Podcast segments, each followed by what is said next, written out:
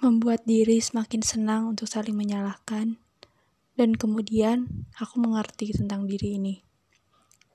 Tentang bagaimana jika terus memaksakan, dan bagaimana jika terus menerima penolakan.